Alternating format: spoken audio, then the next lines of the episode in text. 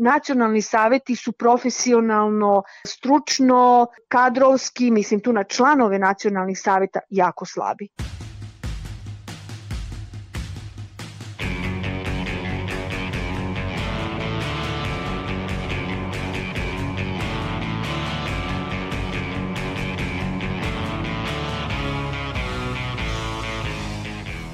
Pošiljalac informacija, kanal i primalac. Četiri su ključna sastojka kako bi se ostvarila komunikacija. A informacija koju trenutno želim da vam pošaljem je da slušate novo izdanje podcasta Reaguj, nezavisnog društva novinara Vojvodine. Ja sam Iva Gajić, a sa mnom je i standardna ekipa. Irena Čučković, Sanja Đorđević, Nemanja Stevanović i Aleksandra Bučko. Ovo izdanje posvećeno je komunikaciji kao osnovu međuljudskih odnosa, ali naravno da imamo i kontekst. Želimo da saznamo kako nacionalni saveti nacionalnih manjina komuniciraju. Članovi nacionalnih saveta su tu zato što su se ne znam kojim povodom našli na listi, prošli su, ali oni osim onoga što dođu na sednicu nacionalnog saveta u nacionalnom životu svoje zajednice uopće ne učestvuju. Zašto bi nas to uopšte interesovalo? Zato što se nacionalni saveti financiraju iz budžeta Republike Srbije i pokrajine Vojvodine, a to znači financiraju se od para svih nas. I zato što, a tu uvodimo i reč interkulturalnost, nije potrebno samo da znamo da nacionalne manjine postoje, potrebno je i da znamo malo više o njima i njihovim pravima i sprovođenju tih prava. Posmatrajmo nacionalne savete kao tela koja su tu da zastupaju i brane prava svojih zajednica. Iako postoje razna tumačenja da li to jesu ili nisu, njih možemo posmatrati i kao male parlamente. Osim što se bore za određena prava koja su u njihovoj ingerenciji, tamo postoje zaposleni ljudi, a članovi između ostalog glasaju i dodeljuju sredstva određenim organizacijama za realizovanje projekata. Ne zaboravite da članovi daju i mišljenja kada dođe do izbora direktora u, na primjer, osnovnoj školi u Ruskom krsturu, školi u kojoj se obrazovanje vrši prvenstveno na rusinskom jeziku. Oni takođe daju i svoja mišljenja kada je u pitanju dodeljivanje sredstava organizacijama i medijima na jezicima nacionalnih manjina. Sve to smo podelili na nekoliko nivoa komunikacija članova jednog nacionalnog saveta između sebe, komunikacija više nacionalnih saveta i relacija savet državni organi.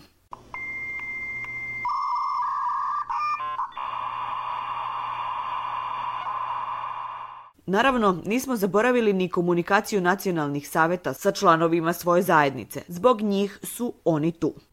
Kako komunicira? Komunicira pa naravno preko tih nekih ustaljenih medija kao što je njihov internet portal, kao što su novine slovačke, redakcija na radiju na slovačkom i televiziji Vojvodine takođe.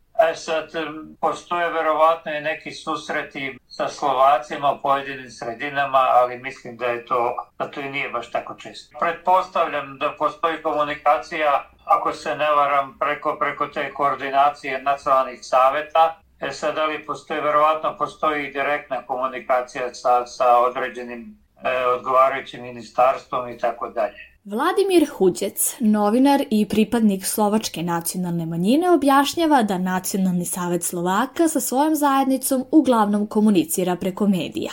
Njemu smo ova pitanja postavili jer je kao novinar upućen u dešavanja na relaciji Nacionalni savet i svi ostali.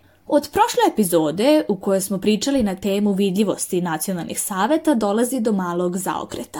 Huđec smatra da članovi slovačke nacionalne manjine koji žele da znaju za postojanje nacionalnih saveta to i znaju, Međutim, većinu to ne zanima. Pa mislim da jesu otvoreni, mislim da tu, da tu ovaj, naravno postoji dobra volja od strane nacionalnog saveta da se pomogne ovaj, svim pripadnicima zajednice. To se najčešće koristi verovatno slučaju stipendiranja studenta, stipendiranja studenta u Slovačkoj i tako dalje, ali mislim da ne postoji interesovanje od strane e, članova zajednice za nekim većim kontaktima sa nacionalnim savetom. Oni koji žele, oni znaju.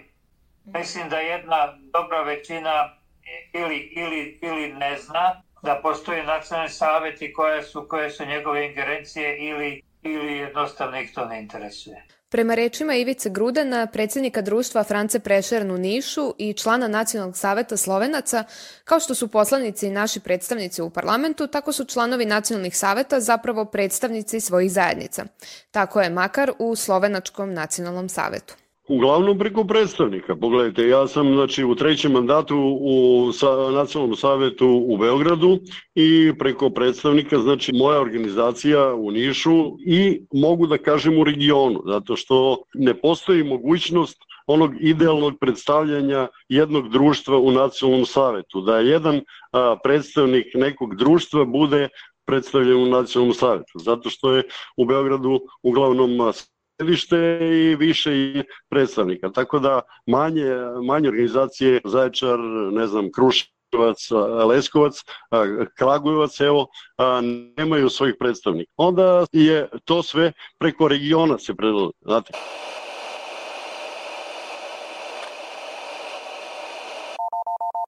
Međutim, iako sve izgleda da funkcioniše, u praksi dolazi do štucanja ovog sistema.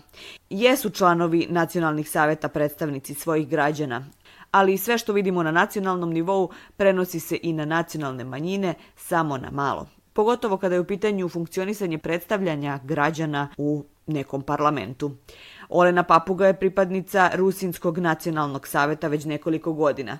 Takođe i državna sekretarka u Ministarstvu za ljudska i manjinska prava i društveni dijalog i sa te dve pozicije može da prokomentariše članove nacionalnih saveta i njihov rad, probleme unutar organizacije sa kojima se susreću.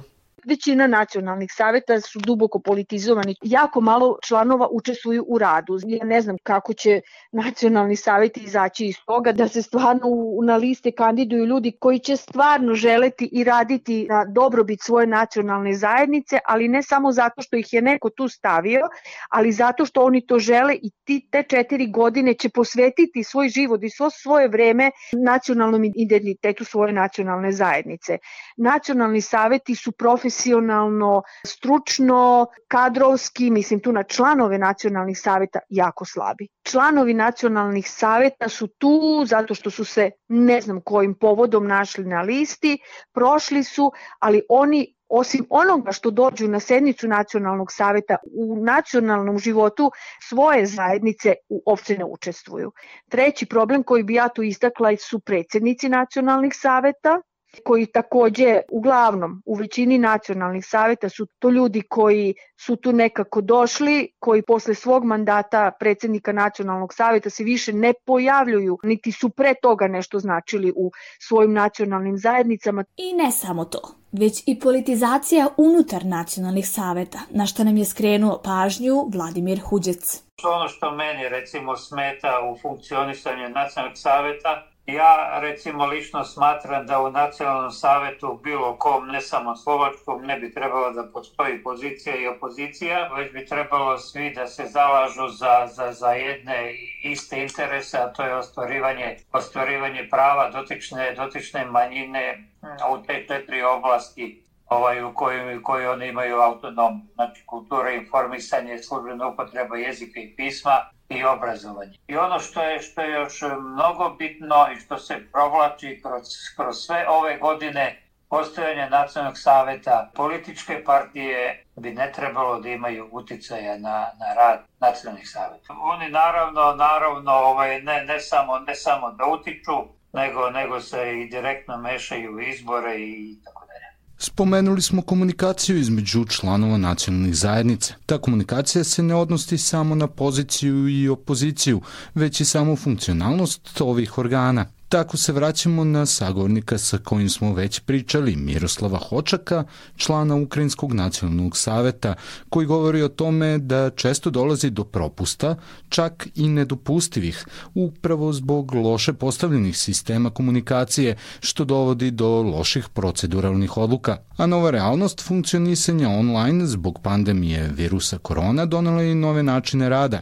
Međutim, problem sa kojim su se susreli članovi Nacionalnog saveta Ukrajinske nacionalne manjine javio se u vezi sa elektronskim izjašnjavanjem i, kako ih zovu, elektronskim sastancima.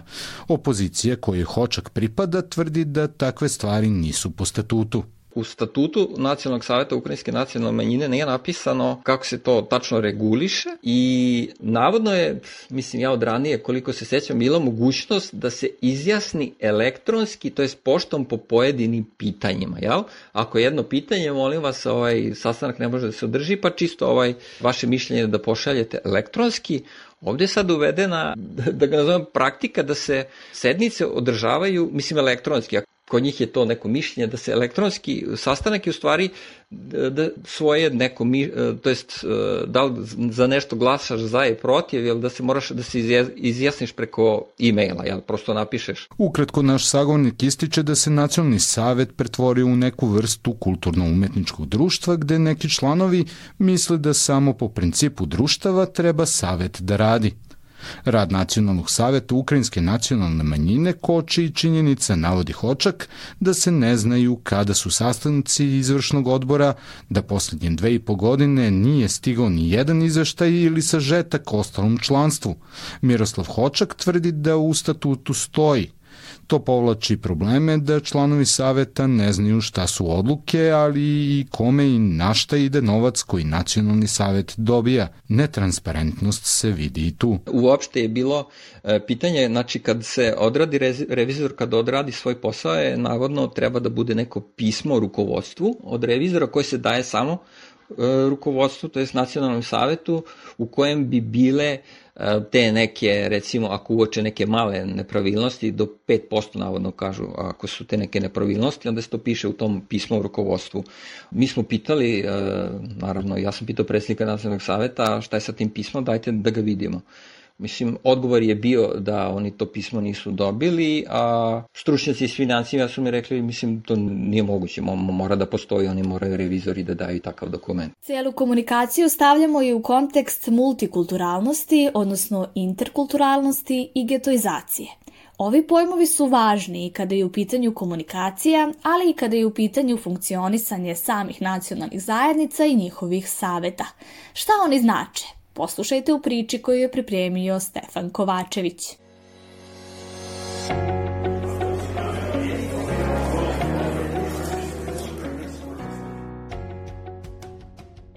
Taj pojam za mene podrazumeva razmenu nekih ta kultura, tradicija, tako. Ovaj, pod pojmom interkulturalnosti smatram nekako odnos različitih kultura, to je međusobni odnos različitih kultura. Interkulturalnost podrazumijeva odnos među kulturama i neophodnost međusobne interakcije. Prefiks inter ne znači jednostavno prisustvo ili suživot, već mogućnost upoređivanja različitih mišljenja, ideja i kultura na jednom prostoru. Doktor socioloških nauka Lazar Žolt objasnio je pojam interkulturalnosti kroz primjer takozvanog vojvođanskog identiteta interkulturalizam podrazumeva e, takvu vrstu sinteze gde se u e, izvesnoj ili značajnijoj meri napušta svoja kulturna pozicija, to je najčešće nacionalna ili etnička kulturna pozicija i uključuje se u jedan širi kontekst, kontekst neke šire kulturne sinteze u izvesnom smislu tu neku širu kulturnu sintezu, pa tako i interkulturalizam, mi bismo u Vojvodini mogli da prepoznamo kroz vojvođanski identitet.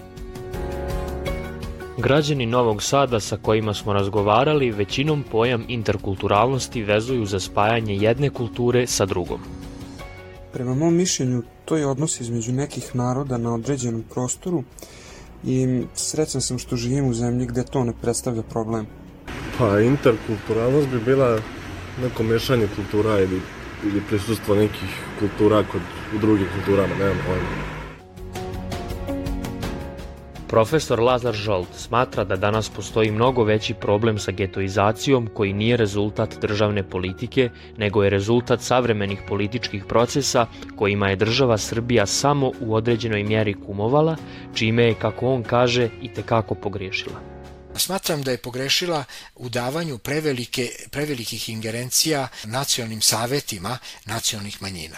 Dakle, da oni vode potpuno samostalno određene kulturne politike, pre svega kulturnu i obrazovnu politiku. Borba za interkulturalnost ne smije da stane jer tendencije koje trenutno postoje za njeno održavanje su jako obeshrabrujuće.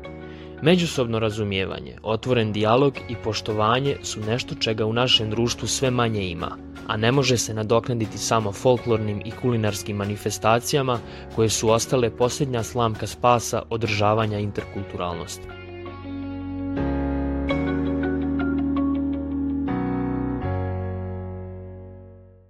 Miroslav Keveždi, kulturolog, često govori na temu nacionalnih saveta. Sada smo kontekst komunikacije postavili u kontekst getoizacije i interkulturalnosti. Koliko su nacionalne zajednice zatvorene same u sebe, a koliko rade na interkulturalnosti? Kakva je tu uloga nacionalnih saveta? Kada govorimo o getovu, onda ću ja da podsjetim na to da geto je kako je to nekad bilo u istoriji, to je bilo ostrvo, dakle negde ovaj, u Italiji, u kojima su na kraju krava jevreji pod ključ. Da li bili stavljani ili su se sami zaključavali? To je pitanje. Ali postojane nacionalne zajednice koje žele same da zabrave vrata i da se zaključaju sa unutrašnje strane. To mogu sebi da priušte zaista velike nacionalne zajednice koje su homogene i kod nas su možda u takvom iskušenju najviše Mađari. Međutim, Keveždi objašnjava da je prvo potrebno da nacionalni saveti srede probleme unutar svojih zajednica, a tek posle mogu da se bave interkulturalizmom. Još jedna stvar koja je tu važna, nacionalni saveti nacionalnih manjina, ja ih bar tako vidim, su tela koja bi trebala da rade na realizaciji kulturnih prava nacionalnih manjina. Dakle, da budu okrenuta sebi. I naravno da sve što poboljšava položaj svoje nacionalne manjine ako je to interkulturalizam, treba da bude prihvaćeno. S druge strane, ne može da postoji obaveza da nacionalna manjina se bavi interkulturalizmom, a možda nije rešila neke svoje najelementarnije stvari. Ono što pomaže nacionalnim savetima ne toliko u radu na interkulturalnosti, koliko u zajedničkom nastupanju pred višim instancama i borbi za određena prava, jeste koordinacijono telo nacionalnih saveta. Keveždi postavlja pitanje da li je koordinacija interkulturalnost ili samo dobra praksa i saradnja nacionalnih saveta. Šta je zadatak nacionalnih saveta? Da li je njima zadatak da proizvedu geto ili je njima zadatak da proizvedu nešto drugo što nije geto, a sad pitanje šta je, šta je interkulturalni model i koji sve modela ima. Ajde da krenemo od onog što zaista jeste praksa. Ljudi koji su u nacionalnim savetima i koji su tamo zaposleni ili koji moraju više da se bave ovim pitanjima, oni komuniciraju sa ljudima iz drugih nacionalnih saveta i spontano je nastala zapravo koordinacija nacionalnih saveta kao mesto gde će moći da se razgovara o tome e, kako vi rešavate ne, neku stvar, neki problem i da se neke ideje zapravo dobije i da onda tako se to znanje prelije.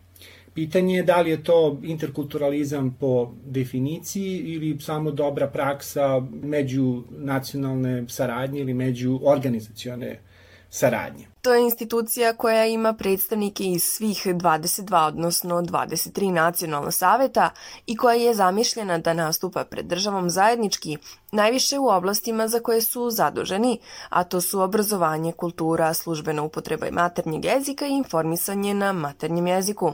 Svake godine se menja predsjedavajući koordinacije. Trenutni predsjednik koordinacionog tela nacionalnih saveta, Borče Viličkovski iz Makedonske nacionalne manjine, objašnjava koja je svrha ovog organa. Koordinacija jeste, da tako kaže, jedna vrsta institucije, jedna vrsta instituta, formirana odmah nakon formiranja prvih nacionalnih saveta, kao potreba da postoji jedno telo koje će na neki način formulisati najmanje zajedničke imenitelje kada se govori pre svega ove četiri oblasti, ali nešto više, koje dotiču rad svih nacionalnih saveta. Koordinacija se trudi, odnosno pokušava da na neki način generiše, primjera zaključke koje dotiču sve nacionalne savete i da onda izlazi naravno sa određenim stavovima, predlozima i u tom pravcu jeste prepoznat od strane najviših pokrenjskih i republičkih organa i u tom pravcu i funkcioniše naša saradnja sa republičkim,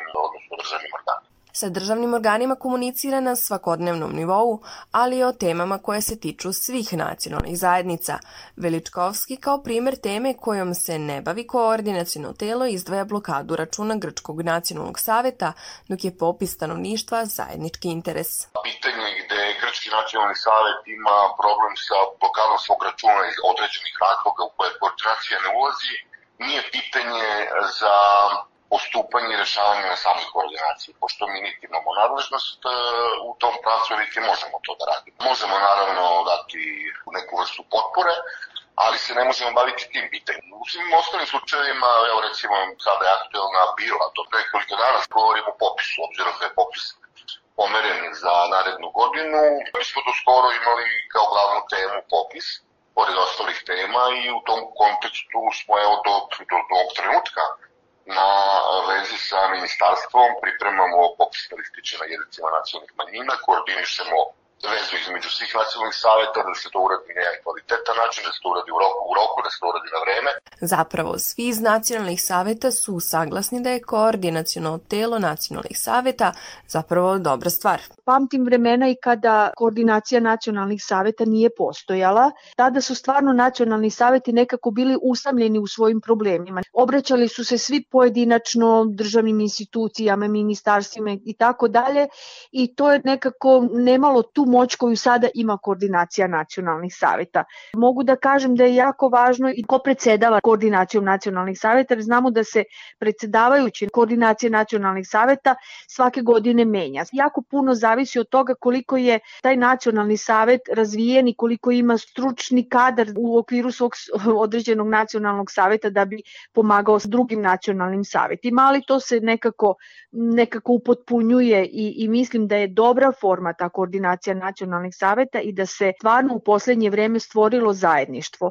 Međutim, interesantno je da Mihael Plac, predsednik Nacionalnog saveta Nemačke nacionalne manjine, svoj odgovor na pitanje o komunikaciji sa državnim organima uglavnom bazira na dobijanju finansijskih sredstava. Saradnja je dobra, odvija se u nekoliko pravaca, kako sa Republikom, tako i sa pokrajinom. Jedna je ta protokolarna saradnja, druga je gde mi njih pozivamo na neke naše događaje, manifestacije ili oni nas. Drugi vid saradnje se tiče naših obaveza kada su u pitanju izveštavanja i neki poglavlja u pristupanju Evropske unije gde mi kao nacionalni savjet dostavljamo kvartalne izveštaje o e, napretku kada je u pitanju akcioni plan koji se tiče poglavlja 23. Dostavljamo naravno kvartalne izveštaje o radu prema Republici, godišnje izveštaje o radu. To je drugi vid saradnje po meni. E, treći vid saradnje su konkursi koje e, raspisuju kako Republika, tako i pokrajina, a gde da li nacionalni saveti ili, ili s druge strane udruženja pripadnika nacionalnih manjina ili fondacije, odnosno organizacije koje se bave nacionalnim manjinama mogu da, da, konkuriše, da konkurišu i dobiju sredstva za neke svoje programe ili projekte koje će realizovati tokom, tokom godine. A šta je sa saradnjom između nacionalnih saveta i zajednica? Mogu reći da s obzirom da je u Somboru multietnička sredina sa puno aktivnih udruženja, da li su u pitanju Romi, da li su u pitanju Bunjevci, Hrvati, Mađari, imamo savršenu saradnju kako na nivou nacionalnih saveta, tako i na nivou samih udruženja koja, koja ovaj, zajednički čak i sprovode neke projekte i zajednički konkurišemo kod uh, drugih donatora za, za sredstva, tako da mogu kazati da je ta uh, saradnja gotovo savršena.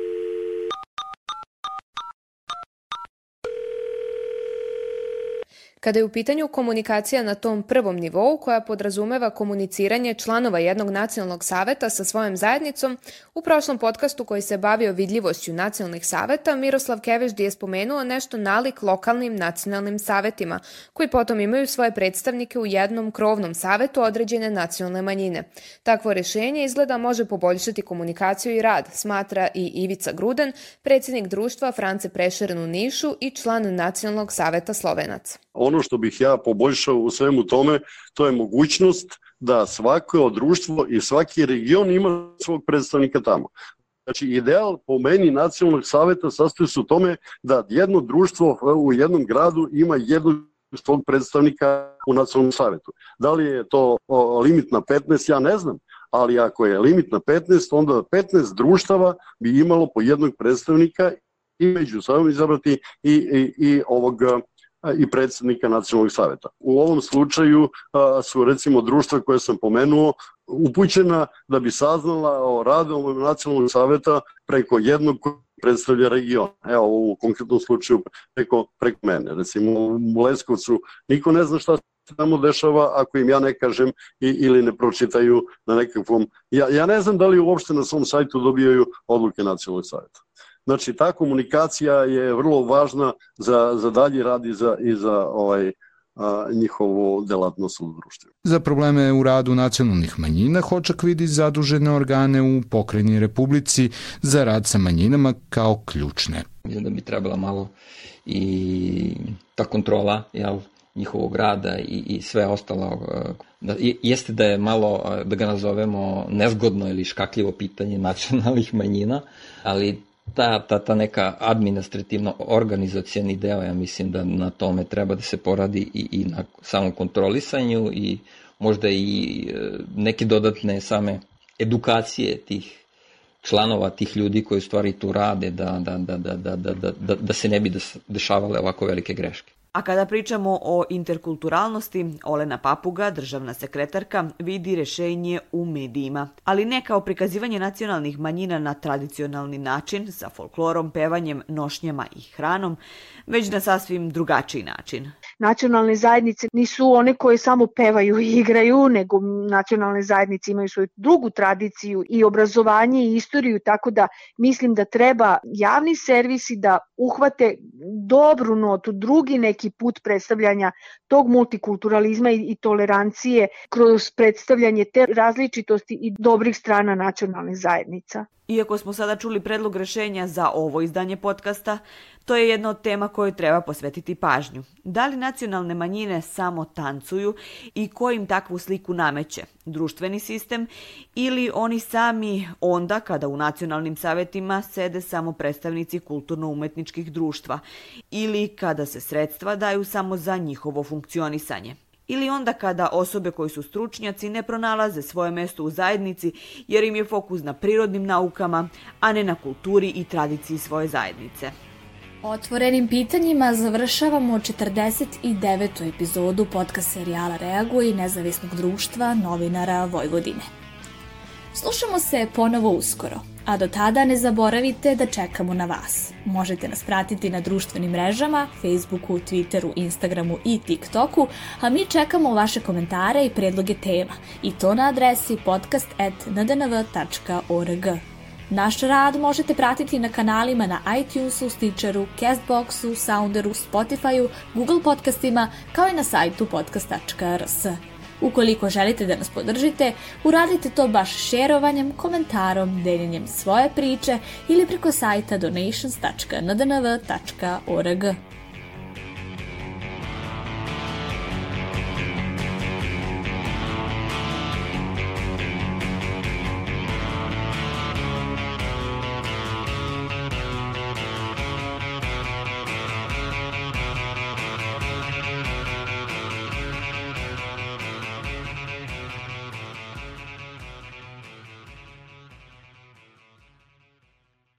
podcast je pripremljen uz finansijsku podršku Evropske unije i Saveta Evrope u okviru projekta Promocija različitosti i ravnopravnosti u Srbiji. Stavovi izraženi u njemu ni na koji način ne odražavaju zvanično mišljenje bilo koje strane.